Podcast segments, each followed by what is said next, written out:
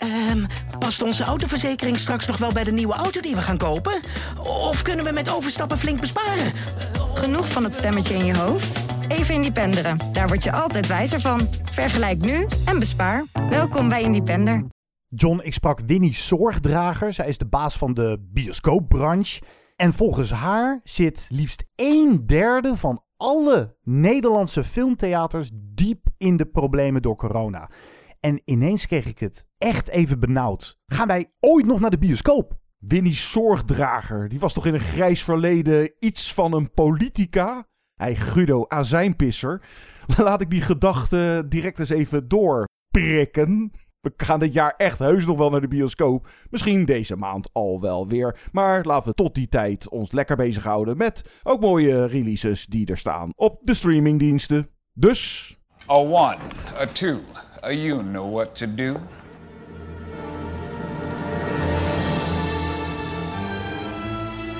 Good evening, ladies and gentlemen. We are tonight's entertainment. Movie Insiders. They're here. Why should I waste my time listening? Because I have a right to be. I have a voice. Groovy. Hallo allemaal en welkom bij Movie Insiders, de filmpodcast van het AD, die je ook kan vinden op movieinsiders.nl, Spotify, Apple Podcasts en alle andere denkbare audioplatforms. Je kan ons altijd een e-mailtje sturen, vinden we leuk, en misschien lezen we hem wel voor in een volgende show. movieinsiderspodcast@gmail.com. Mijn naam is Guido. En mijn naam is John. Je kan met ons twitteren, at movieinside. En like en deel ons op Facebook. Guido, laten we ons best doen om deze podcast wat korter te maken dan de podcast die wij vorige week deden. De traditionele eindejaarspodcast. Als je hem nog niet gehoord hebt, luister hem vooral even terug. Daarin doen wij onze top 10 beste films van het filmjaar 2020. En dit nieuwe jaar is begonnen, dus ja, laten we dan toch maar vooruit gaan kijken naar wat er mogelijk dit jaar in de bioscoop uit gaat komen. Of op VOD. Het, ja, alles blijft een beetje onzeker. Maar als ze open gaan, een hoop interessante grote titels, blockbusters. Wat spul voor in de filmhuizen. Een preview dus voor dit filmjaar. Met vooral, nou laten we zeggen, de focus op het eerste half jaar. Ja, want dat filmjaar 2020 in allerlei opzichten niet zo geslaagd was, bleek ook uit de box-office cijfers meer dan gehalveerd ten opzichte van het jaar daarvoor. Columnist Nico van den Berg is er met Cinema Cinemonkey over dat onderwerp. Zoals beloofd in de afgelopen aflevering gaan wij nog wat langer stilstaan bij Pixar's Soul, die nu te zien is op Disney+. Maar we beginnen met op dat andere streamingkanaal Netflix is al een tijdje deze potentiële Oscar-kandidaat te bewonderen. Ma Rainey's Black Bottom. Ho, ho, ho, ho, ho, ho. Ik ga deze recensie pas beginnen als ik wat te drinken heb. Okay, Ma, we're ready to go. Where's my Coke? Ma Rainey's Black Bottom, boys. Where's my Coke? I need a Coke. Hard as it is, sure. I need a Coke. What's the matter, Ma? Where's my Coke? I need a Coke, Coca-Cola. Uh, Ma, look. I forgot the Coke. Let's do it without it, huh? Just this one song. What say, boys? Damn what the band say. You're supposed to have my Coca-Cola. You knew that. I ain't do nothing without my Coca-Cola. Now, just a minute here, Ma. You come in an hour late. You need to get out of my face, stay Irvin. as I told is. you keep them away from Well, me. I'm tired of your nonsense, sir. I'm not going to put up with this. Let me. Ma, listen. I'll call down to the deli and I'll get you a Coke, but let's get started, huh? Sylvester's standing there ready to go. The band's all set up. Let's do this one song. huh? Too cheap to buy me a Coca-Cola. I buy my own. Slow drag, Sylvester. Come on, baby. Get me three bottles of Coca-Cola, ice cold. Get y'all something too. Keep the change.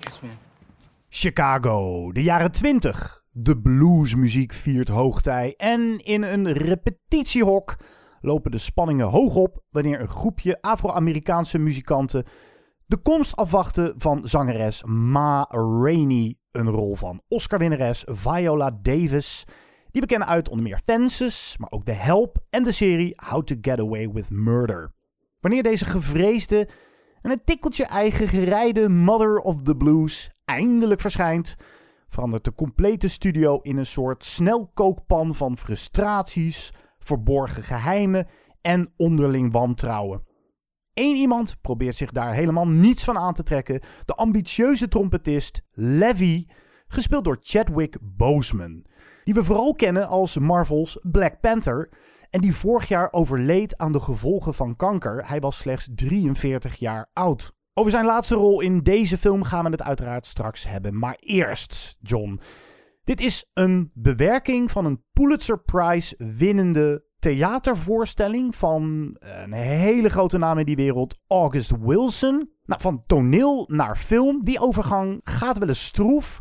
Hoe pakte dat hier uit in Ma Rainey's Black Bottom? Ja, dat werkt hier prima. Het is met dit soort ja, bewerkingen van toneelstukken. Nou, in dit geval zie je het al vrij snel in de film dat het een beperkte locatie is. Het speelt zich eigenlijk alleen maar in die opnamestudio en dan in de kelder en nou, een stukje straat van Chicago. Trouwens, die August Wilson. Uh, je noemt Viola Davis, die zeer terecht een Oscar won voor beste vrouwelijke bijrol voor haar rol in Fences. Die film van en met Denzel Washington als haar man. Dat Fences is dus blijkbaar ook van die August Wilson, die ook dit schreef. En ja, dan vind ik vaak de. Kijk, je kan heel. Nou ja, laat ik zeggen. saai de camera dan in zo'n ruimte zetten. En dan de acteurs een dingetje laten spelen. Kan ook. Het is geen must dat het dan filmisch gebracht wordt. Maar in dit geval, deze George C. Wolfe, de regisseur. Die pakt wel lekker. Nou, ik zou bijna kunnen zeggen, hij pakt swingend uit. Met lekkere zwierende camerabewegingen. Dus je hebt ook niet het gevoel constant dat je maar op één locatie zit. Nou, daar ben ik wel met je eens. Het voelt gelukkig nooit te statisch aan. En dat heb je dus af en toe wel bij films die gebaseerd zijn op een uh, theatervoorstelling. Ik had wel een beetje dat het erg geschreven aanvoelt. Dit zijn, neem ik aan, grotendeels de teksten één op één van het theaterstuk. En dat is nu eenmaal een ander medium. En het komt gewoon net iets minder natuurlijk over. Dus daar moet je dan gewoon even aan wennen. Ja, het zijn net iets te veel toneelteksten, ja. Ja, en wat ik dan ook heb is dat de personages vooral, dat is niet zijn schuld, Chadwick Boseman als die Levy, die trompetist, toch een van de belangrijkste uh, uit het hele groepje. Die is de, het ene moment heel relaxed en dan is hij weer heel erg geëmotioneerd en dan weer wat subtieler. Hij gaat alle kanten op. Dat vond ik wel een beetje theatraal. Maar nogmaals, als je er eenmaal aan gewend bent, dan accepteer je het. Want er wordt zo waanzinnig geacteerd door eigenlijk gewoon alles en iedereen in deze film. dat is vaak met dit soort films die dan, als ze gebaseerd zijn op een toneelstuk en dan dus, nou in dit geval een beperkte uh, locatie hebben, die vallen of staan met goed acteerwerk. En ja, dat het hier spetterend acteerwerk is, dat mogen duidelijk zijn. Zeker. Laten we dan toch maar gewoon snel doorgaan naar Chadwick Boseman. Ik vind dat toch, dat is de naam die centraal staat in deze film. Er wordt al gefluisterd dat hij hier een Oscar voor krijgt. Dat is dan postuum. De laatste keer dat dat overigens gebeurde, een Oscar voor een overleden acteur was voor... Heath Ledger. Heel goed. Heath Ledger in The Dark Knight, waarin hij de Joker speelde. Nou, laat ik het jou vragen. Zou dat terecht zijn? Want je hebt dan wel een beetje de situatie... Oh, het is uh, sneu dat hij er niet meer is. En dat is natuurlijk ook sneu. Maar is het dan ook niet overdreven om hem een Oscar te geven? Of zou dat ook echt terecht zijn. Zou die hem met andere woorden dan misschien ook krijgen als hij nog had geleefd? Dat vraag ik me serieus af. Ik denk dat hij hem waarschijnlijk dus gaat winnen voor beste acteur de nominaties zijn nog niet eens bekend. Nee, nee maar... Wij met onze grote waffels, ja, maar let maar op Voorspellend, ja. Gaat ja, gewoon gebeuren. Gaat gewoon dus gebeuren. dat, kijk, dat ja, speelt toch wel mee. Zou het dan terecht zijn? Nou, het is wel een heerlijke rol die hij speelt. Ik was niet zo heel erg bekend met hem buiten Black Panther om. Dus ik heb hem ook nog niet eerder zo zien schitteren als acteur als in deze film. Moet ik trouwens wel even bij vermelden. Nou, hij zat vorig jaar ook in, uh, in een korte bijrol in Da Five Bloods van uh, Spike Lee. Maar dat was nog net, kwam die film uit voordat hij overleed. En deze zie je dan na. De, maar ik vond hem er ook echt wel ziek uitzien. Ja, vond je dat? Ja, nou in ieder geval heel mager. Ja. Ja, uh, ja mijn, mijn, mijn referentie is natuurlijk ook Black Panther. Dus dan... Ja, dat is waar. Ja, en je weet nooit, acteurs kunnen heel ver gaan voor een rol. Bekend voorbeeld, Robert De Niro, die zich liet opblazen zo'n beetje voor Raging Bull. Of andersom, Christian Bale die zich uit, echt uitmergelde voor, hoe heet die van, de Machinist. Ja, dat nou, is me dan niet zo opgevallen. Ik Ja, vond of nee, het... dat had ik. Ja, met retrospect eh, kijk je daar en dan vind je hem er toch niet gezond uitzien. Laat ik het eh, da- daarop houden. Oké, nou, het, het, het speelde voor mij als kijker geen rol. Nee, niet dat ik er constant mee bezig was, maar.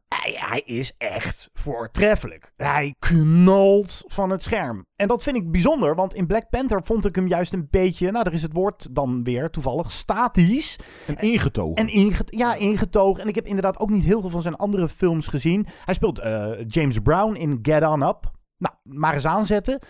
Maar het is een charismabom van heb ik jou daar. En hij speelt ook een, gewoon een interessant personage. Iemand die een schakel is tussen de oude garde van de blues scene... en de nieuwelingen die meer voor de swing gaan. En daar staat hij dan symbool voor.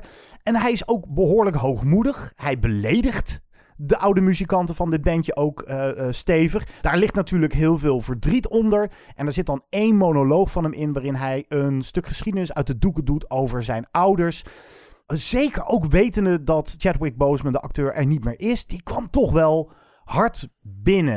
In het begin is het erg ehm, voorgedragen. Maar hoe langer die speech duurt, of naarmate eh, die speech op zijn einde loopt, die doorleefdheid, dat druipt gewoon van zijn gezicht en in zijn stem. En je ziet ook gewoon zijn slapen naast zijn ogen trillen. Wauw, ja, dat is wel Oscar-materiaal. Ja, hij zet zeker een indrukwekkende rol neer. En het is wel gaaf om te zien dat hij levert een beetje ook een soort van strijd tegen ja, de oude garde, wat je zou kunnen zeggen. Hij is eh, zeker ambitieus, want hij heeft ook zijn eigen muziekstukken gecomponeerd. En die probeert hij dan ook te slijten aan die muziekproducent waar ze op dat moment die muziek aan het opnemen zijn. Maar hij is inderdaad, hij is ook wel arrogant. Zeker. En, eh, nou, bijvoorbeeld met zijn nieuwe schoenen. Nou, daar moet je de film voor Hij is niet hebben. direct heel likable. Nee, maar ja, hij, hij is meer het eh, vrijgevochten. Maar aan de andere kant, zoals nou, bijvoorbeeld die medemuzikanten, maar zeker eh Ma Rainey, de diva Ma Rainey, want daar gaat hij een soort van mee in strijd. En daar ben je niet aan het goede adres. En die andere trompetist of de pianist, die zeggen ook wel tegen hem van, ja, hallo, ken je plek. Maar ja, dat is het, het, dubbele hier aan. Kijk, het is inderdaad, het is Ma Rainey, het is haar show. Ook inderdaad hoe ze dan naar die producenten toe. En nee, ik ga niet verder voordat ik mijn colaatje heb. En mijn stotterende neefje, we gaan net zo lang door tot die, die ene zin eh, goed uitgesproken heeft. En dan heb je nog haar, ja, hoe zou je het kunnen noemen? Haar schoothondje, Dassie May. Waar Levy dan ook nog eh, wat mee loopt te scharrelen. Maar die Ma Rainey, die heeft inmiddels een bepaalde En haar presence ook. En ja, het, klapt een beetje met die jonge, ambitieuze trompetist die graag zich wil bewijzen of graag hogerop wil of nou ja, door wil. En zo heb je ook constant van die onderlinge discussies. Dat zij enerzijds zeggen van, nou, wees nou maar tevreden met dat je dit kan, zeker ook in deze omstandigheden, in deze tijd, dat je, hè, doe dan niet zo moeilijk allemaal of wat dan ook. Terwijl Levy zoiets heeft van, ja, maar ik wil streven naar meer. Ik wil hogerop. Ja, en wat ik ook heel fascinerend vond, is dat een van de meer oudgediende muzikanten op een gegeven moment in zoveel woorden uitspreekt. Jongens, de slavernij mag dan over zijn. We zijn er nog lang niet. En die woorden kwamen ook bij mij binnen, omdat we er anno 2021 ook nog steeds niet zijn. Bijna en 100 daar jaar zijn, later. Ja, exact.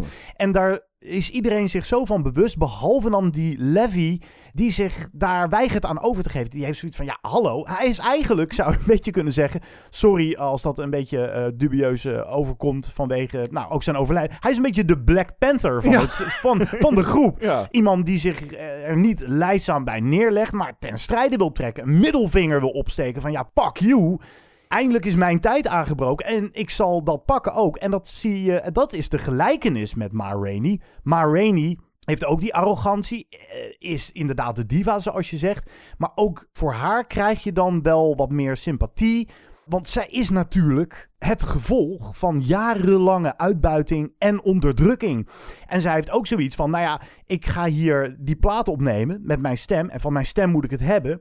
Maar als ik dat eenmaal heb gedaan, dan ben ik misschien niks meer. Ja, dus blanke- dit is mijn moment. Ik moet nu shinen. Ja, die blanke manager die zij dan heeft, eh, ze hebben elkaar nodig.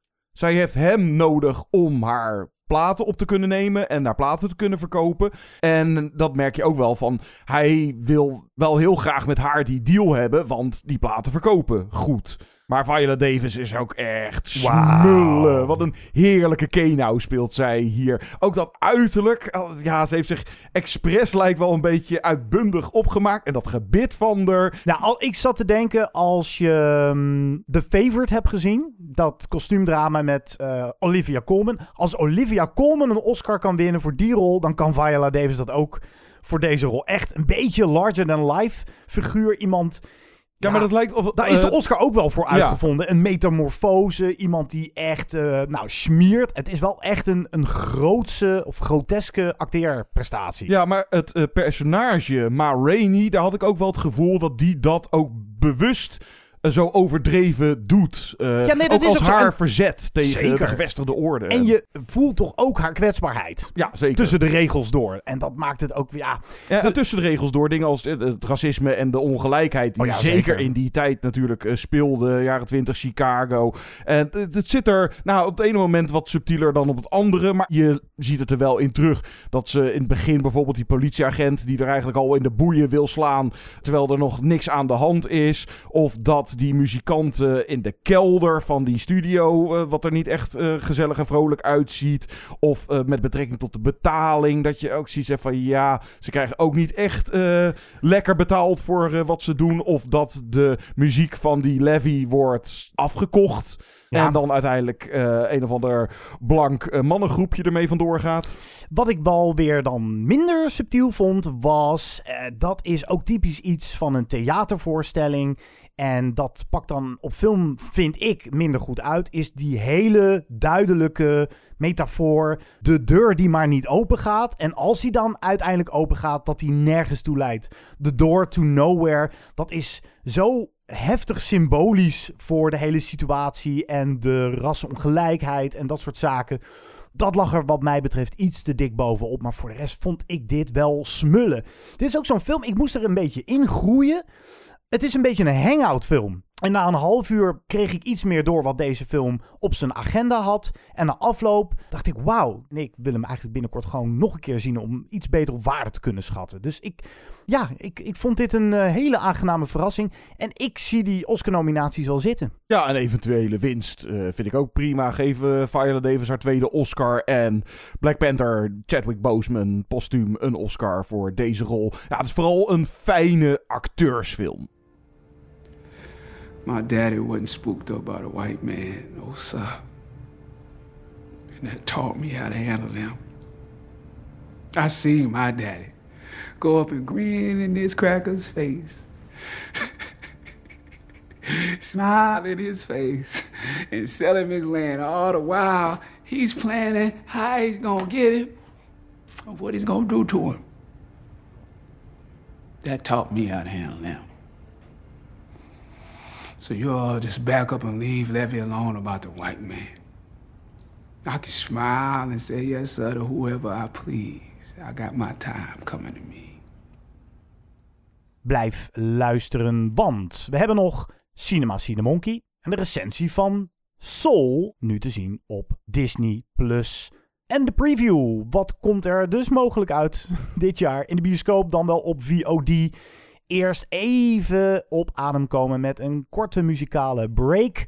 Nou, dat is misschien wel toepasselijk. Het nummer Ma Rainey's Black Bottom. Hadden we al gezegd dat Ma Rainey echt bestond, trouwens? Je ziet een eh, fotootje van de echte Ma Rainey vlak voor de aftiteling van de film. De titelsong zou je kunnen zeggen, gezongen door haar. We zijn snel weer terug. Way down south in uh, Alabama, I got a friend they call Dancing Sammy, who's crazy about all the latest dances, black bottom stomps and the new baby prances. The other night at a swell affair, soon as the boys found out that I was there,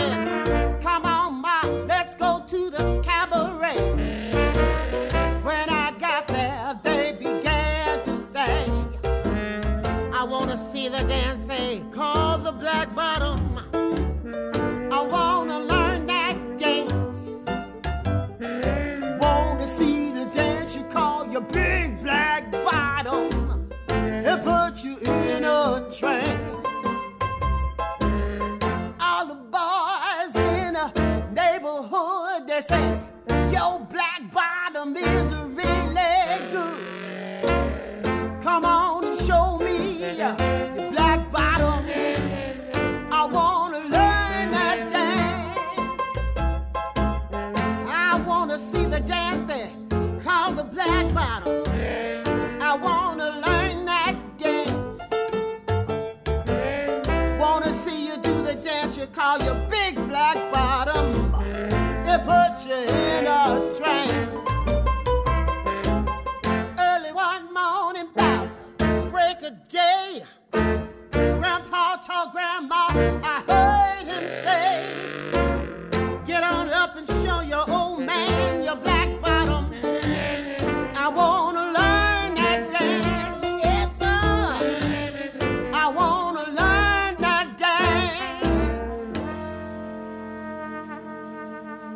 We stonden er dus in de vorige podcast al even bij stil, maar deze film verdient het om iets meer uitgediept te worden.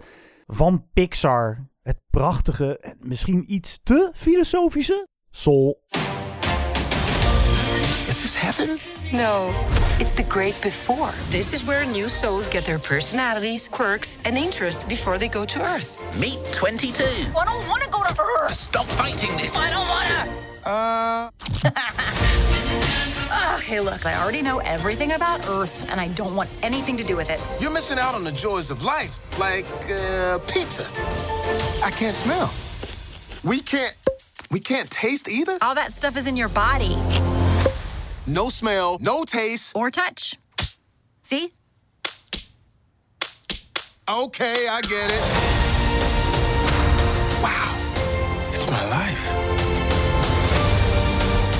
This living really worth dying for? You're still alive? Can you help me get back? No way! There I am. What are we waiting for? Wait, not me! Inderdaad, in de afgelopen podcast hebben we hem al kort aangehaald. Het was ons beider nummer 11. Redden nog net niet onze top 10 beste films van het jaar. Maar dat komt omdat die net, wat was het, twee, drie dagen voor het einde van het jaar pas te zien was. Pixar's Soul van regisseur Pete Docter, die eerder Monsters Inc. en de Oscar-winnende animaties Up en Inside Out maakte. Joe Gardner, met de stem van Jamie Foxx, is een muziekleraar op een middelbare school. En die ziet zijn droom eindelijk werkelijkheid worden. Dat hij een jazzoptreden met een grote gevierde jazzartiesten weet te scoren die avond. En hij loopt helemaal in zijn nopjes over straat, let niet helemaal goed op en valt in nou, zo'n rioolput. Hè, vervelend, wegwerkzaamheden. Vervolgens schakelt de film direct, dit is allemaal nog in de eerste, nou, vijf minuten van de film, naar zijn ziel. Die op de, ja, het is eigenlijk gewoon letterlijk de Stairway to Heaven staat. Die dan naar The Great Beyond, de hemel, hoe je het wil noemen, leidt. En hij zoiets heeft, hé, hey, hier ben ik het niet helemaal mee eens. Dus hij rent terug en valt er zelfs vanaf. Valt heel ver naar beneden en belandt dan in The Great Before. Het hier voormaals, waar nieuwe zieltjes in de U-seminar, heet dat dan daar, onder meer hun karakter krijgen en dan nou, klaargestoomd worden om naar aarde te gaan. En door wat misverstanden wordt hij mentor van het zieltje 22 met de stem van Tina Fey, die ja, iedereen waarschijnlijk wel kent als presentatrice van onder meer Golden Globes. En ze zat in 30 Rock en die uh, comedienne. Een zieltje wat al, eeuwenlang daar in die uh, U-seminar uh, rondslingert, omdat zij maar niet wil. Zelfs moeder Teresa heeft het geprobeerd ja. in een schitterende flashback. Ja, dat was een hoogtepunt op komisch vlak. En Ziel Joe heeft zoiets van: ja, ik wil gewoon terug naar mijn comateuze lichaam op aarde. Je hoort nog wel eens mensen, ja, dan ben je een beetje cynicus of onwetende van animatie. Dat is toch alleen maar voor kinderen? Ja, oké, ja, sommige, Nijntje en zo, dat wordt ook gemaakt. Of, uh, hey, geen slecht woord over Nijntje. Nee, of Buurman en Buurman, daar kunnen wij ook van smullen. Ooit een recensie van gedaan. Zoek even ergens uh, in ons archief, de playlist, uh, Buurman en Buurman recensie. Maar zo heb je ook animatie die eigenlijk alleen maar voor volwassenen zijn gemaakt. Arthouse, veel van die Japanse anime. Nou, eigenlijk de kracht of de kunde van Pixar is dat ze bijna allemaal gemaakt zijn voor alle leeftijden. En dat ze werken op verschillende niveaus. Misschien is Soul daar ook wel een perfect voorbeeld van. Alhoewel, Guido, als je nou eens even... Doe je kinderogen eens in. Hoe zou je dan naar Soul kijken? Is die dan misschien wel te complex of te metafysisch, spiritueel, filosofisch? dat de jonge kinderen, die kunnen dat misschien niet meekrijgen allemaal? Het is de vraag waar ik al dagen mee worstel. En ik riep dan in de vorige podcast, laten we kinderen vooral niet onderschatten. Die zijn slimmer dan we denken. Maar ook ik had in het begin heel even moeite met het concept van dat hiervoormaals en al die Jerry's, die soort Picasso-tekeningen. Een soort regisseurs van, nou ja... Het, het, counselors zijn het. Counselors, ja. ja. Het, het is waanzinnig knap bedacht. Laat ik het zo zeggen dat waarom ik Inside Out van dezelfde maker dus, ook van Pixar, net wat beter vond. Uh, die had ook een redelijk complex uitgangspunt. Of complex, hoe, wat heet complex? Voor kinderen dan misschien complex. Dat je de emoties van mensen letterlijk verbeeld zag. Maar dat was zo knap vanzelfsprekend gemaakt. Deze moet er met iets meer plotselinge scherpe bochten van links naar rechts wat meer moeite voor doen. Snap je wat ik bedoel? Ja. Wat ik wel weer mooi vind is, want er zitten nog veel meer gekke twists en turns in dit verhaal. We hebben nog niet verteld wat er gebeurt met een kat bijvoorbeeld. Laten we dat voor ons houden. Dat is wel echt gaaf als je dat voor het eerst ziet. Wel mooi dat hoe langer de film duurt, gaandeweg wordt hij steeds simpeler. En... Nou, tot het laatste kwartier misschien weer. Ja, ja dat, dat zou kunnen. Maar er zitten echt een aantal dingen in dat ik zat zo van, nou ja, laat ik zeggen, onder de tien jaar zouden die dat allemaal snappen of kunnen volgen. Dat zou op zich geen probleem moeten zijn, want jij haalt terecht Inside Out aan het meesterwerk van Piet Doctor. En daar zaten ook inderdaad voldoende uh, complexe dingen in die je als volwassene alleen maar kan snappen. Maar die was denk ik voor jonge kinderen prima te volgen zonder die kennis. En ik had bij deze serieus ook mijn vraagtekens. Gaat dat lukken? Is het volledig te snappen? Kijk, je hebt best wel ook weer als net zijn eerdere werk wat eenvoudige animatie erin zitten dan vooral qua karakters. Hier die zielen en die counselors zijn ook uh, redelijk simpel qua animatie. Uh, wat Inside Out ook wel een beetje had. Maar dan, het zit vooral in het verhaal dat zo complex en inventief en creatief is. En zo heb je nou, bepaalde grappen die alleen volwassenen zullen snappen. Maar er zit eigenlijk humor voor alle leeftijden ook in. Er zit ook gewoon slapstick voor de jongste kinderen in. Die ik overigens ook heel grappig vind. Ja, maar... mijn, mijn vriendin die zei het ook van... Ah joh, dat, dat komt echt wel goed. Die kinderen die zien gewoon mooie kleurtjes. En Ja. die zien een grappige kat. Dat is al lang voldoende. En dan vinden ze hem mooi. En dan gaan ze hem op latere leeftijd nog een keer kijken. En dan krijgen ze misschien wel wat meer mee van de inhoud. Ja, dat, dat kan ook. Ja, maar of ze... Wij hebben geen kinderen. Nee, of ze misschien de draad op een gegeven moment een beetje kwijtraken. Want, kijk, dat zij die bekende zielen als Moeder Teresa, Mohammed Ali, Marie Antoinette. En, nou, oké, dat ze dan niet weten wie dat allemaal zijn. Oké, prima, maar ze zien er grappig uit. Maar zodra dan die verloren zielen. En dan heb ik het nog niet gehad over Moonwind en de astrale vlakte. En Just an Empty Box. Ja. Die vond ik ook heel erg mooi. Ja, nee, dat, dat klopt. Aan de andere kant vind ik het ook weer ontzettend stoer. Dat ja, je moet een meesterwerk en Oscars hebben gewonnen. Om vervolgens naar Disney te kunnen stappen met dit krankzinnige idee. En dat Disney zegt van, nou ja, Piet Dokter, je bent niet zomaar iemand, ga maar maken. Dat vind ik dan ook wel weer waanzinnig gaaf. De zin die een beetje is blijven hangen. Is all this living really worth dying for? Dat is toch wel bijzonder. En verrassend filosofisch dus. Misschien moeten we ons niet vastbijten in ambities, maar vooral kleine, simpele, alledaagse dingen die we allemaal delen met elkaar uh, leren waarderen. In dat opzicht deed het een beetje denken aan een, eh, het boterhammenzakje in American Beauty. Dat is- zou je hier dan het helikoptertje van die eikenboom kunnen noemen. Maar dat vond ik wel mooi, want eh, Amerikaanse films gaan altijd over die American Dream. En je hebt een doel voor ogen en daar ga je voor. En dan desnoods over lijken. En als je maar hard genoeg je best doet, dan werkt het wel. En deze film doet een stapje terug. En dat vind ik, net als Inside Out, ook zo'n mooie boodschap had voor kinderen. Het is niet erg om verdrietig te zijn. Terwijl heel veel ouders altijd geneigd zijn om tegen hun kinderen te zeggen: stop met huilen, be happy, ga lekker naar de speeltuin en hou verder je wafel dicht. Dat vind ik gaaf aan de films van P. Doctor.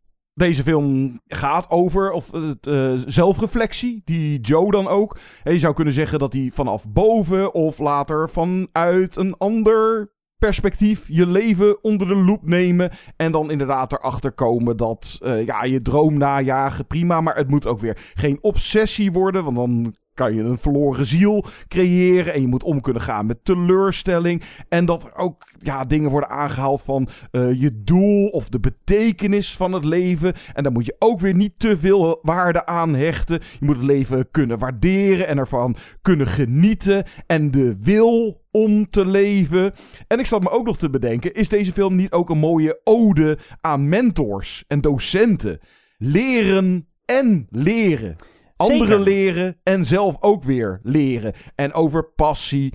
Ja, dit- dat is heel gaaf aan deze film. Hij is een leraar. Hij heeft heel veel studenten en die wil, daar wil hij de passie aan overdragen. De passie voor muziek. Maar uiteraard bijt hij zich vast in die ene gig die hij kan krijgen. Die droombaan misschien wel, waar hij altijd voor ging. Dat is toch wel bijzonder. Dat eh Sol dus dat stapje terug doet en zegt van... Is dat niet het mooiste wat er bestaat? Misschien was dat lesgeven toch wel iets waar jij voor gemaakt was. En dat is net zo mooi. Dat, dat vind ik toch wel bijzonder. Wat ik ook nog even wil zeggen over Soul is...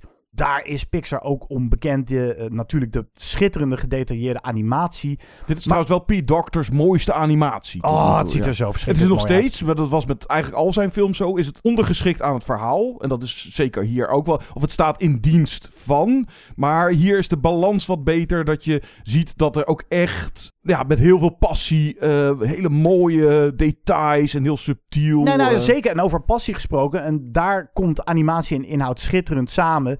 Als Joe achter de piano gaat zitten. De camera, tussen aanhalingstekens, zoomt in op die knekelige handen van hem. Die langzaam die toetsen eh, bespelen. Er komt muziek uit. Je ziet hoe hij geniet van wat hij creëert aan kunst op dat moment. En daar neemt de film dan echt een momentje voor. Dat is zo mooi. Weet je, dat, daar nemen vaak eh, de niet-animatiefilms niet eens de tijd voor. Dus dat maakt Soul alleen al zo'n bijzondere mooie film. Ja, en mooie observaties van nou, eh, New York en hoe ze in de metro zitten. Maar ook alleen dat appartement van Joe al zegt ook gewoon iets over het personage en dat soort details.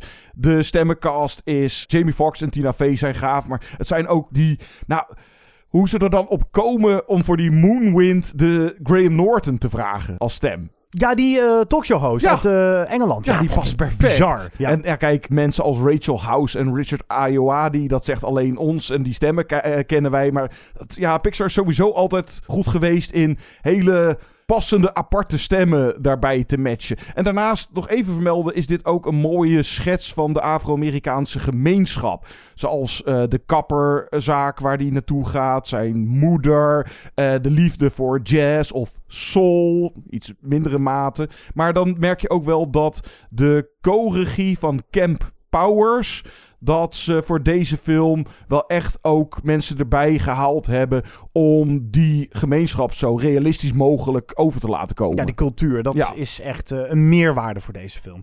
Ja, het is net geen Inside Out, maar dat is ook weer flauw om te zeggen. Laten we niet alles met elkaar gaan vergelijken. Dit is gewoon een juweeltje. Nog niet gezien, nu naar Disney Plus, nu kijken. Ja, Pixar. Dus ik heb uiteraard weer gelachen en gehuild en wil ik ook weer vaker zien. I'll be right back. Don't get ahead of yourself, pal. By the way, why do you sound like a middle aged white lady? I don't. This is all an illusion. This whole place is a hypothetical. I could sound like this if I wanted to. Or sound like this instead. I could even sound like you. Life is so unfair. I don't want to die. Somebody call the ambulance. I just use this voice because it annoys people. It's very effective.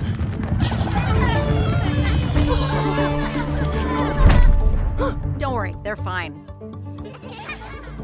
Can't crush a soul here. That's what life on Earth is for. Huh, very witty.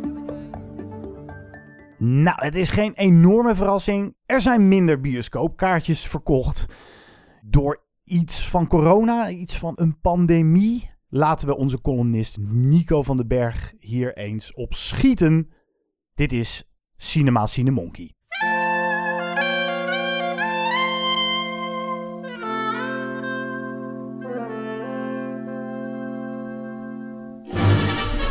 Monkey's the eye in the sky. He sees everything.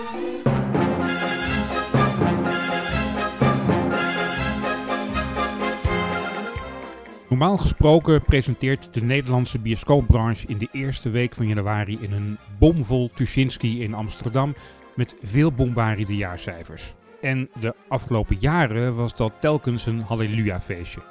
Het bioscoopbezoek in ons land zit namelijk al jaren in de lift. In 2019 werden er maar liefst 38 miljoen kaartjes verkocht met een opbrengst van bijna 350 miljoen euro. En die recetten wordt elk jaar meer. En een gemiddeld bioscoopkaartje is de afgelopen 10 jaar met maar liefst 30% gestegen. Logisch dat een keten als Pathé veel investeert in IMAX of 4DX, de bewegende stoelen, want met de flinke toeslagen wordt er aardig verdiend. Kortom, lucratieve business in Nederland. En terwijl het bioscoopbezoek in de VS al sinds 2000 flink afneemt, was de sfeer onder de bioscoop- en filmtheater-exploitanten in ons land behoorlijk onbezorgd. Dat wil zeggen, tot maart vorig jaar natuurlijk, toen het begrip lockdown zijn intrede deed en bioscopen dan weer beperkt open mochten zijn en dan weer dicht moesten. Het zorgde ervoor dat de box-office in Nederland met meer dan de helft in elkaar donderde. Dat valt nog mee trouwens. Wereldwijd was dat meer dan 70%.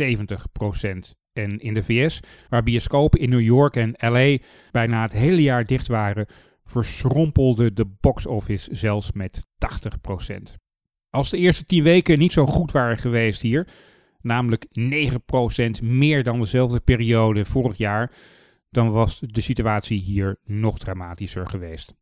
De presentatie van de jaarcijfers, die via een besloten video dinsdagochtend werd rondgestuurd, had dan ook een sombere toon. De voorzitter van de Nederlandse Vereniging van Bioscopen en Filmtheaters, de oud-politica Winnie Zorgdrager, klonk zelfs wat verongelijkt. Hoe kon de politiek zoiets veiligs als de bioscoop zo slecht behandelen? Met turboventilatie, meters afstand tussen stoelen en spatschermen overal kon de bioscoop makkelijk tijdens de coronacrisis open blijven. Zelfs voor meer dan 30 man. Het was surreëel om te zien. Alsof er buiten geen pandemie door het land raast met recordaantallen besmettingen en ziekenhuisopnames. Wat ik zag was een bubbel van bioscoopbobo's die het vooral hadden over het feit dat voor de laatste lockdown bezoekers nu met eten en drinken van de Albert Heijn de bioscoop binnenkwamen omdat de foodcourts bij Pathé echt dicht moesten blijven. Onthulling, veel mensen smokkelen bij de grote bioscoopketens supermarkt eten en drinken naar binnen, omdat je anders vier keer zoveel moet betalen. Een ander ondergeschoven kindje in de presentatie waren de filmtheaters, ofwel de plekken waar je vooral arthouse films ziet. Alle aandacht ging uit naar het verlies van ketens als Pathé, Vu en Kinepolis, maar dat de filmtheaters veel beter door het coronajaar zijn gekomen, werd bijna terloops helemaal op het eind genoemd. Ook hebben filmtheaters veel beter de mogelijkheden voor streaming gebruikt. Zo heeft het arthouse-platform Pickle, waar tientallen filmtheaters bij zijn aangesloten, het aantal views vervijfvoudigd. Vervijfvoudigd. Maar het woord Pickle heb ik niet gehoord in de presentatie, terwijl een flink deel van de opbrengst toch belandt bij de filmtheaters. Het woord streaming werd alleen gebruikt als gevaar voor de bioscoopbranche. Terwijl de meest fanatieke streamingkijkers waarschijnlijk straks als eerste ook weer in de bioscopen zitten. Het maakte van de presentatie een treurigmakend in-crowdfeestje. De baas van Pathé noemde één keer de bezoeker, want daar draait het tenslotte om. Maar verder ademde alles een gebrek aan visie en creativiteit. Terwijl er juist nu zoveel spannends kan worden bedacht. Waarom niet straks, als alles weer open is, grote films veel eerder of tegelijk op streaming? Waarom niet meer samenwerking tussen de grote bioscopen en de kleine filmtheaters om van elkaar de sterke punten over te nemen? Waarom ook niet kijken naar het type film dat in de grote bioscopen draait? Het afgelopen jaar hebben daar ook kleinere films prima gescoord. Krijgen we straks weer grote blockbusters die de helft van alle bioscoopzalen in Nederland in bezet houden en daarmee de andere films wegdrukken? Dan moeten we hier deze discussie dit jaar maar gaan voeren. Hier in deze podcast van Movie Insiders. Je moet toch ergens beginnen. En er is meer positief nieuws naast de sterke positie van de filmtheaters. En dat is de Nederlandse film. Die werd relatief erg goed bezocht vorig jaar. Het marktaandeel steeg van 10 naar 20 procent door onder andere succesnummers als De Beentjes van Sint Hildegard. Maar zowel de grote Nederlandse publieksfilm als ook de kleinere Nederlandse arthousefilm hadden een relatief goed jaar. Je ziet dus wat er gebeurt als Hollywood een flinke stap terug moet doen. Er komt meer ruimte voor films van eigen bodem. Iets wat ze al jaren beter begrijpen in landen als Frankrijk en Duitsland. De best bezochte film in 2020 was trouwens de oorlogsfilm 1917 met 1 miljoen bezoekers. Echt overweldigende bioscoopervaring. Op het kleine scherm blijft er eerlijk gezegd weinig van over. Het bewijst meteen de kracht van de bioscoopervaring. Nu nog de angst van bioscopen voor zoiets gewoons als streaming wegnemen. Het is verdorie 2021, kom op. Als je echt oog hebt voor de consument, geef die dan de keuzevrijheid om te kijken waar en wanneer die wil. Dat hebben wij filmliefhebbers na corona toch echt wel verdiend. It's too short. We need more monkeys. There aren't any more. That's the whole barrel.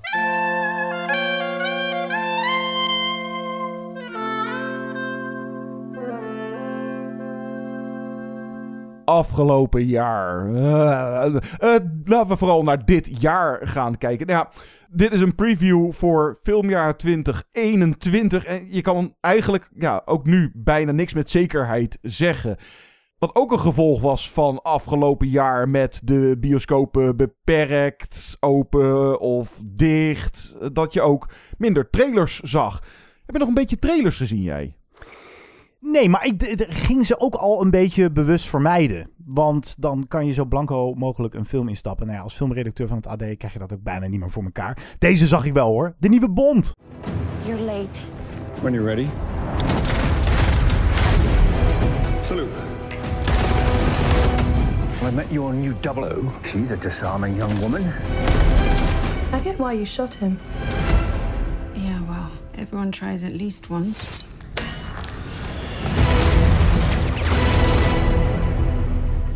James Bond. We both eradicate people to make the world a better place. I just want to be a little tidier. Come on, Bond. Where the hell are you? Jeetje, de nieuwe Bond. Echt serieus, dat nummer van Billie Eilish, No Time to Die, dat komt echt al mijn neus uit. En dan moet die film nog uitkomen. Zo lang en zo vaak is die uitgesteld. Maar ja, misschien gaan we hem dan uiteindelijk toch zien op het witte doek? Ja, daar ga ik wel van uit. Dat we Bond toch op zijn minst wel in de bioscoop gaan kijken. Ja, Wat een hoopvolle jongen ben je toch? Of de bioscopen later deze maand weer open gaan. We weten het. Laten we het even open houden. Mocht het zo zijn en ze voor de geplande datum, dacht 20 januari of zo. Dan komt die Nederlandse productie De Slag om de Schelde uit. Ja, daar gaan we nog niet te veel over zeggen, want we hebben hem allebei al gezien. Nou, tipje van de sluier, aanrader. Een van de duurste Nederlandse producties ooit gemaakt. Het is ook wel een co-productie hoor. Er zit geld van andere landen ook in. Maar groots opgezette oorlogsfilm over de slag om de Schelde. Verrek. Nou, het zit al in de titel. Ja. En dan zou Wonder Woman 1984, de sequel van de hit Wonder Woman met Gal Gadot als Wonder Woman, weer geregisseerd door Patty Jenkins. Die komt dan hier ook als de bioscopen opengaan uit. Terwijl die in Amerika staat die op HBO Max. Dat hebben wij hier niet. Dus vandaar dat we dan nog een bioscooprelease. Want dit is een van die Warner Brothers titels. Die dus later dit jaar. In ieder geval ja, in Amerika. Grote releases als de nieuwe Matrix en Dune. Zowel op VOD als een bioscooprelease. Ja, en dat gebeurt dus hier niet in Nederland. Eh, het is de bedoeling dat hier wel alles in de bioscoop uitkomt van de studio Warner. Maar we hebben dus ook geen HBO Max. Ik heb die vraag nog gesteld aan de baas van de Nederlandse tak van Warner. En die hield zich op de vlakte. Die zei, eh, daar heb ik geen informatie over. Oké, ik dacht wel Hmm. ergens een keer wat te hebben gelezen dat ze wel inzetten op eh, HBO Max in Europa uitbrengen ergens in de loop van dit jaar of zo. Dus er zijn, dacht ik, wel plannen. Nog over Wonder Woman. eh, we moeten eerst zien en dan geloven. Maar de eerste reacties zijn niet best. Nee. Ik ga toch als van ouds gewoon even de komende maanden langs en even de, de grote highlights eruit lichten. Ja, waar kunnen we ons op verheugen? Ja. Waar we dat ding dan ook gaan zien. In februari. Volgens mij is dit voor het eerst dat er een Nederlandstalige Anne Frank verfilming komt. Mijn beste vriendin Anne Frank door Ben Sombogaard. Die eerder de tweeling deed. Scoorde nog Ja, een Oscar-nominatie voor. en best- Bright Flight is volgens mij ook van hem. Ja, en Abeltje en dat soort. Ja. Heeft ook wat jeugdfilms gedaan, dacht ik. Of misschien kunnen we wat klassiekers dan in de filmhuizen gaan kijken. Zoals een waarschijnlijk retrospectief. Want er komen een hoop titels van de Chinese cineast Wong Kar-wai in de filmhuizen. Waaronder In the Mood for Love. Heb Oh, Dat je, is een van mijn favoriete films ever, jongens en meisjes. In the Mood for Love. heb je die al eens op het witte scherm gezien? Nee. Nee, ik ook niet. En dan Chungking Express bijvoorbeeld of 2046.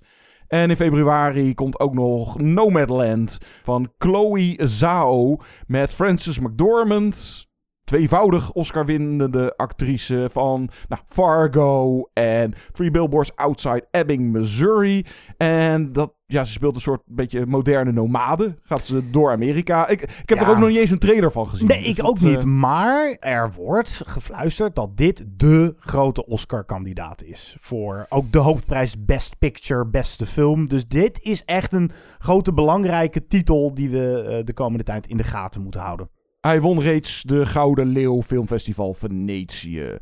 In maart komt dan ook weer zo'n geval uit. Die zowel in de bios als, nou in dit geval dan op eh, VOD Disney Plus tegelijkertijd verschijnt. Is die nieuwe Disney release Raya and the Last Dragon. Een geval noem jij het. Een Ja. geval. Wat, wat, wat kunnen we hiervan verwachten? Wat is dit? Ik heb die trailer gezien, het ziet er wel gaaf uit. Maar ik, ik- ja, ik weet er eigenlijk nog niet zo heel veel over. Is, is het een sprookje? ik kreeg een Zitten de beetje prinsessen in? Moana gevoel kreeg ik er. Nou ja. Zo, zoiets. Moana Eh, was fijn. Ja. De Kingsmen. Niet Kingsman, maar de Kingsmen. Want je hebt die twee eerdere delen. Ik weet even niet meer die subtitels. Maar van dezelfde regisseur is dit. Maar dit- dit speelt iets meer in het verleden, geloof ik. Ja, Kingsman, dat was met Colin Firth, die ineens eh, heel mooi martial arts kon vechten met een bolhoedje op. Ik was nooit zo'n fan van die films trouwens. En die tweede heb ik nooit gezien. Daar had ik gewoon echt helemaal geen trek in toen. Duurde ook vijf en een half uur, geloof ik, dat ding. Ach, vond ze wel vermakelijk. Heb je hier al van gehoord? The Many Saints of Newark? Nee, Enlighten Me. Oké. Sopranos heb je wel eens van gehoord? Eh, ja, Nou, maar dit- dit is nog dan- steeds niet gezien trouwens. Oh, shit. Ja, dat is echt, dat is echt zo'n blind spot, de Sopranos. Moet je Ik- ook wel even voor gaan zitten, want het zijn nogal wat afleveringen. jij hebt ze wel allemaal Nee, gezien? niet allemaal. Ik moet nog steeds de laatste twee seizoenen een keer. eh, maar dan moet ik eigenlijk weer van tevoren af aan eh, alles... Misschien in aanloop naar... want deze, The Many Saints of Newark... ja, die titel zei me ook niet direct iets, maar ik had ervan vernomen. Dit gaat dan over de jonge jaren van Tony Soprano. En dan wordt hij gespeeld door Michael Gandolfini. En dat is de zoon van James Gandolfini, die dus Tony Soprano speelde. Kan die acteren dan? Blijkbaar. Ja. Interessant. Jeetje, dat wordt wel een uitdaging om voor die tijd dan de hele Sopranos er nog even doorheen te jassen. Het is toch de bakermat van de moderne tv-serie. Ja, dan moet je nu gaan bingen. Goh. Luisteraars, overtuig me dat ik dat moet doen. Je moet het sowieso een keer gezien hebben. In maart, eh, daar zaten we Morbius. Dat is dan een Marvel-titel. Met Jared Leto, die een dokter speelt. Die in een vampier. eh, eh, weet ik, ik weet niet of het nou een superheld of een supervillain is. Het is niet helemaal Je hebt me duidelijk. echt overtuigd dat ik dit moet Ja, gaan zien. Ik ben ook niet helemaal thuis into the comics. The Father, die zou nog wel nou, hoge ogen, of in ieder geval nominaties kunnen scoren bij de Oscars. Met de hoofdrol van Anthony Hopkins en Olivia Colman als zijn dochter. Ja, en ik geloof dat Anthony Hopkins een man speelt die lijdt aan Alzheimer. Een Alzheimer-drama. Die wel heel goed moet zijn. Dan april, vraagteken, No Time to Die. Het, eh, Eh, ja, hij is al drie keer opgeschreven. Of twee keer. Ja, joh. Laten we het heel even dat we het heel kort hebben over. Kijken we uit naar de nieuwe Bond? Of is James Bond een fenomeen eh, dat we een beetje beu zijn? Ik moet je zeggen, ik was ontzettend hoopvol na Skyfall. Dat vond ik echt een hele, hele strakke Bondfilm. Misschien wel een van de betere. Maar ik vond die laatste, Spectre, vond ik weer, nou, niks wil ik niet zeggen. Maar dat Matig, vond ik ja. matig. Weet je, echt weer zo'n film die drijft op knipoogjes naar de oudere James Bond films en niks nieuws doet. Ik hoop dat deze, want de plot van No Time to Die gaat echt verder waar de vorige ophield. En daar hou ik ook niet zo van. Ik, ik, ik vind het wel leuk als gewoon 007 een nieuw avontuur tegemoet gaat.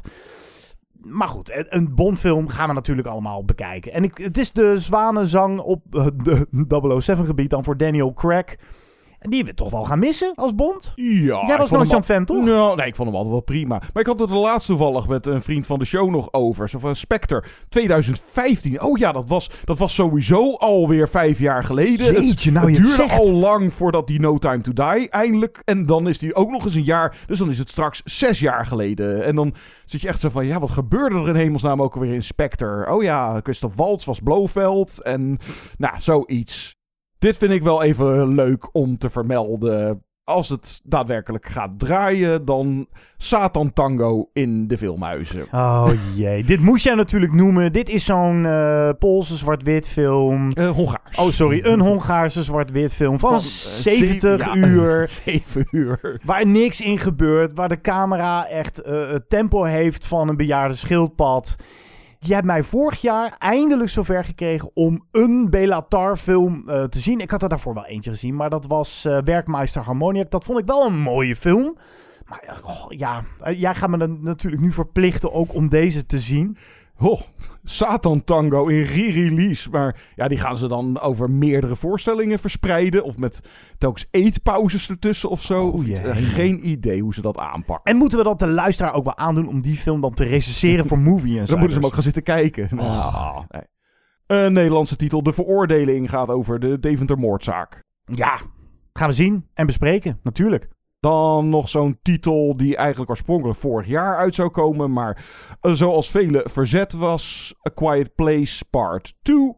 Ja, ik vond die eerste wel gaaf. Dat is die horrorfilm over eh, een post-apocalyptische wereld. Ge... Met monsters en ze mogen geen geluid maken. Ja, Ja. Ze, ze, ja, dat vond ik wel een aardig concept. Je moet echt fluisteren, want anders komen de monsters je grijpen. En En dat was succesvol, dus ja, dan krijg je een sequel. Emily Blunt die bevalt van een kind eh, in een eh, badkuip, terwijl de monsters geen geluid mogen horen. Alleen voor die scène moet je de film eigenlijk al zien. Ja, maar dat vond ik nou echt. Sorry dat ik er weer over begin. De bioscoop. Dit is nou echt een bioscoop. A Quiet Place vond ik echt geen meesterwerk. Maar je voelde gewoon toen, bij die eerste film in de bioscoop, dat iedereen zijn adem inhield. En dat met z'n allen beleven in het donker. Ja, dat is dus de meerwaarde van de bioscoop. En dat mis ik zo onwijs, jongen. Wij als fans van regisseur Edgar Wright, dit is gaaf. Die gaat er komen. Last Night in Soho. Ja, Edgar Wright is de regisseur van onder meer Shaun of the Dead, Hot Fuzz en The World's End. Is ook lekker. En Scott Pilgrim vs. The World. En Oh, Baby ja. Driver. Oh ja, Baby Driver vond ik ook wel leuk. En nou, dit gaat, het speelt in jaren 60 Londen, in de modewereld. Het is een drama slash horror met Anya Taylor-Joy in de hoofdrol. Die momenteel iedereen kent als de actrice uit The Queen's Gambit, die Netflix-serie. Die schaakchick. Als het goed is, in mei komt dan eindelijk die Black Widow film. Dat, ja, We hadden afgelopen jaar, ja, alle grote blockbusters gingen niet door. Dus volgens mij hebben we afgelopen jaar geen één superheldenfilm in de bios gehad. Geen Marvel en geen DC's. Ik moet je zeggen, dat was wel even lekker. Ik vond het ook wel even een verademing. Maar dat komt omdat we de jaren ervoor hadden we er geloof ik tien op jaarbasis. En Ja, nou ja, de superheldenmoeheid sloeg op een gegeven moment bij ons toe. ja, dus daarom had ik ook... Ik, ja, nou ja, die Black Widow, het zal vast wel... pri- Ik keek er ook niet heel erg naar uit. Net zoals die Wonder Woman. Ik had ook zoiets van, nou ja, we zien het wel. Een Black Widow met, nou, Scarlett Johansson weer als Black Widow. En dit speelt dan tussen Ik geloof Captain America Civil War en Avengers Infinity War. Nee, maar we zijn Kijk, hele... dat weet ik wel weer. We zijn hele brave filmliefhebbers, dus we kijken gewoon voor de release van die film alle Marvel films nog een keertje. Iron Man, de Hulk, weer. Dat had The ik Avengers. vorig jaar of het jaar daarvoor al gedaan. In aanloop naar die eh, laatste EFV Endgame was dat. Even iets heel anders. Dat is meer filmhuis. Druk. Ofwel Another Round is de nieuwe film van de Deense regisseur Thomas Winterberg. Die eerder Vesten maakte en Jaakten of The Hunt. Waarin Mats Mikkelsen ook al de hoofdrol speelde. En dit gaat over nou Mats Mikkelsen en wat collega-docenten. Die volgens mij een, een experiment doen door constant in beschonken toestand. eh, zo, zoiets. Ik ben een groot fan van Mats Mikkelsen, die we kunnen kennen van bijvoorbeeld de Bondfilm Casino Royale. Hij was de Bondschurk Le Chiffre. En hij was Hannibal Lecter. Ja. Hij was Hannibal Lecter. Dat blijft een van de meest ondergewaardeerde tv-series. Mensen, gaat dat zien. Hannibal, zo goed. Ik eh, gooi even drie eh, blockbuster titels eh, naar je hoofd. Godzilla vs. Kong. Cruella, dat is dan die live-action Cruella de Vil film met jonge Cruella gespeeld door Oscar-winnares Emma Stone. Cruella En- de Vil uit de 101 Ja, Dalmatiërs. Ja, en Fast and. Furious, geloof deel 9. die zou oorspronkelijk ook vorig jaar al uitkomen. Het zal me aan mijn reet roesten, John. En dan in de zomer nog een ja, Venom 2. Oh ja, die Ghostbusters Afterlife. Een of andere Minions film. Top Gun. Oké. eh, wat dacht je hiervan? Een nieuwe Space Jam. Nu dan met LeBron James. Oké. Eh, nou, deze kijk ik op zich wel naar uit. Dat is Uncharted.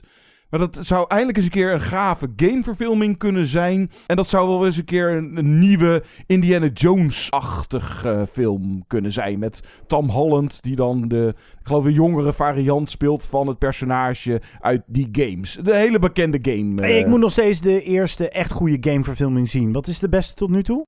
Echt serieus, het was toch allemaal troep Warcraft en zo? Ik zou, ja, kom ik uit op een eh, Taiwanese titel die ik een keer zou. Want wat bleek een gameverfilming te zijn.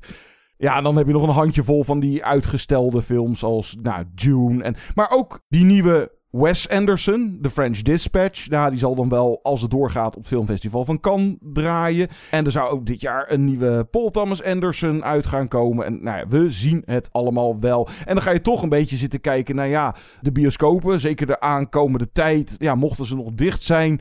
Wat verschijnt er dan op VOD, op de streamingdiensten? Nou, dat is sowieso een beetje, laat ik zeggen, slecht geregeld. Of daar is geen of bijna geen marketing voor. En vaak is dat ook na de aankomende maand, hooguit twee maanden, is er van een paar titels bekend van, oh, nou, dat gaat uitkomen. Dat moet in de toekomst allemaal wat beter geregeld worden. Maar One Night in Miami komt volgende week op Amazon Prime. Dat is het regiedebuut van Regina King, Oscar-winnares voor If Beale Street Could Talk. Van twee jaar terug. En dan die film, die western met Tom Hanks en Helena Zengel uit Systeemsprenger. Die News of the World, de nieuwe Paul Greengrass.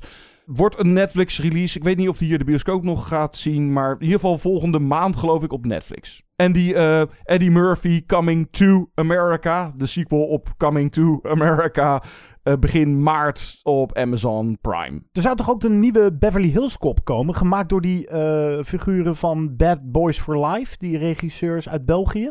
Volgens mij wel. Ja, maar wanneer? Maar ik, d- daar kijk ik dan meer naar uit dan een nieuwe Coming to America, zeg hé. Maar goed, er is maar één hoop, want ik wil die eigenlijk de vraag stellen, waar kijk je het meest naar uit? Het antwoord op die vraag voor mij is gewoon dat de bioscopen weer open gaan. Inderdaad, dat zou wel zo fijn zijn. En ja, waar kijk je het meest naar uit? Eh, als die dit jaar eh, doorgaat, die Vikingfilm van Robert Eggers.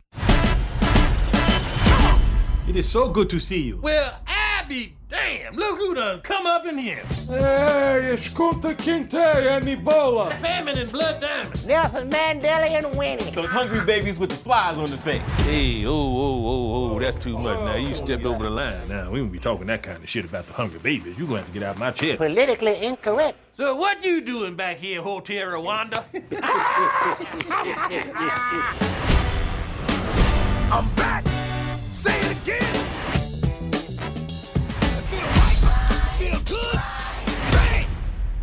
Tot zover deze aflevering van de Movie Insiders podcast. En dan gaan wij altijd braaf, zoals te doen gebruikelijk, verwijzen naar de agenda voor de volgende aflevering. Ja, ik, ik durf gewoon niks meer te zeggen. Ik moet ook voor het AD wekelijks een filmspread vullen met nieuwe titels. Ik weet niet veel wat er, volgende, wat er volgende week uitkomt. Het is best wel bizar hoor. Het kan zomaar weer veranderen. Ja, hm, durf ik dit uit te spreken? Ik vrees toch wel een verlenging van de bioscoopsluiting. Ja, ik heb er ook een hard hoofd in hoor. Ja, het zit er dik in hoor. Laten we dan komende podcast in ieder geval die One Night in Miami bespreken. Waarin Muhammad Ali, Malcolm X, Sam Cooke en Jim Brown samenkomen tijdens een nacht in Miami. Misschien wel een lekkere dikke klassieker. Dat kan altijd. We kunnen altijd gave classics bespreken. Zeker. En dan hebben we graag jullie suggesties. Wat willen jullie dat wij gaan bespreken? Je kan op verschillende manieren van je laten horen door ons bijvoorbeeld een e-mail te sturen. Doe dat naar movieinsiderspodcast.gmail.com. Je kan ook met ons twitteren at movieinsights. Vind ons op Facebook, like en deel ons daar. En we zijn natuurlijk te vinden op het AD, ad.nl. Beluister onze podcast op bijvoorbeeld Spotify en Apple Podcasts. We gaan er altijd uit met veel muziek. Ja, de prachtige muziek van Soul. Ja, niet alles, maar de score is, of het grootste deel daarvan is gecomponeerd door. Dat verbaasde mij echt. Ik zag de aftiteling en dacht zo van, dat meen je niet. Ja, de snoeiharde rockformatie, de Nine Inch Nails. het is echt waar. Het zijn de mannen achter de Nine Inch Nails, Trent Reznor en Atticus Ross, die de laatste jaren ineens heel veel filmmuziek doen. Ze deden zelfs, of ze wonnen zelfs een Oscar voor een muziek voor The Social Network. Maar die zijn echt serieuze filmcomponisten geworden. Want afgelopen jaar deden ze, nou, dus Soul, maar daarnaast ook eh, Waves, zeer verdienstelijke film. En eh Mank deden ze de filmmuziek van. Ja, en dat ze ook een softe kant hebben, deze gasten. Dat hoor je in de schitterende muziek voor de Pixar-film Soul. We zijn snel weer terug. Jullie ook? Tot dan.